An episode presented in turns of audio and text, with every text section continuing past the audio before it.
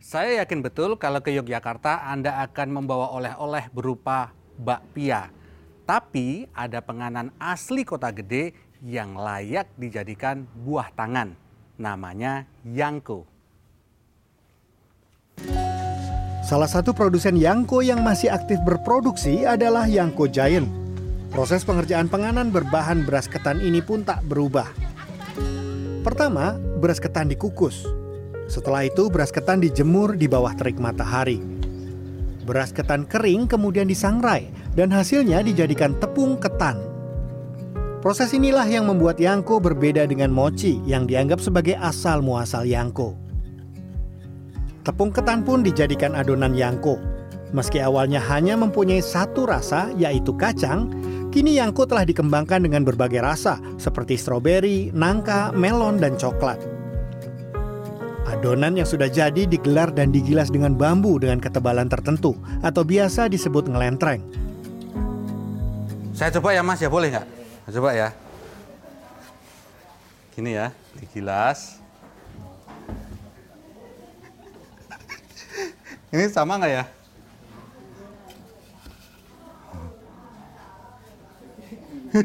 ini, Mas. Ini ya. Gimana nih? Udah lulus belum ini? Bener nih.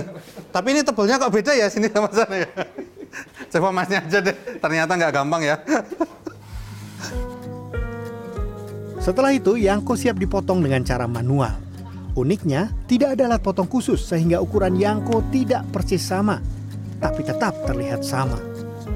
Lalu potongan kecil Yangko dibungkus menggunakan kertas minyak supaya tidak lengket. Nah, meski terlihat mudah, membungkus Yangko ternyata tidak semudah kelihatannya. Ya, lem nil sedikit. Saya ambil Yangko. Nih. Bawah tarik kenceng, atas tarik kenceng, set. Nah, balik. Lulus nggak Pak ini? Mendingan ya Pak ya. Meski belum seterkenal bakpia, penganan bercita rasa manis dan bertekstur kenyal ini mempunyai keunggulan tersendiri. Dia tahan lama. Jadi kalau untuk oleh-oleh itu akan sangat cocok, apalagi kalau dibawa keluar kota itu sangat awet seperti itu. Tidak seperti produk yang di Jogja ada bakpia itu kan hanya tahan berapa hari. Nah kalau yang kok kami kan bisa tahan dua minggu seperti itu. Yangko Giant yang diinisiasi Subarini 11 tahun lalu ini tidak mempunyai gerai sendiri dan memilih menyetorkan produknya ke sejumlah toko oleh-oleh di daerah istimewa Yogyakarta dan Jawa Tengah. Menurut ahli gastronomi dari Universitas Negeri Yogyakarta, Minta Harsana, fakta sejarah ilmiah tentang Yangko di kota gede tercatat mulai diproduksi pada 1929 oleh Mbah Ireng. Yangko menjadi terkenal karena disajikan untuk dikonsumsi oleh masyarakat saat Raja Kasunanan Surakarta, Sri Susuhunan Pakubuwono ke-10 mangkat dan dimakamkan di Kota Gede pada 1939. Uniknya, nama Yangko berasal dari singkatan Tiang Kota Gede yang berarti orang Kota Gede. Nah, tiang Kota Gede itu disebut Tiangko gitu. Sehingga orang mengatakan Yangko bahasa singkatnya.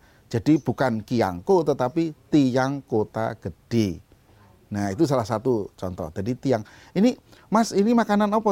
Makanan tiang kota gede sehingga disebut tiangko atau mudanya. Maka yangko orang kita itu kan simple simplicity gitu, mempersingkat itu.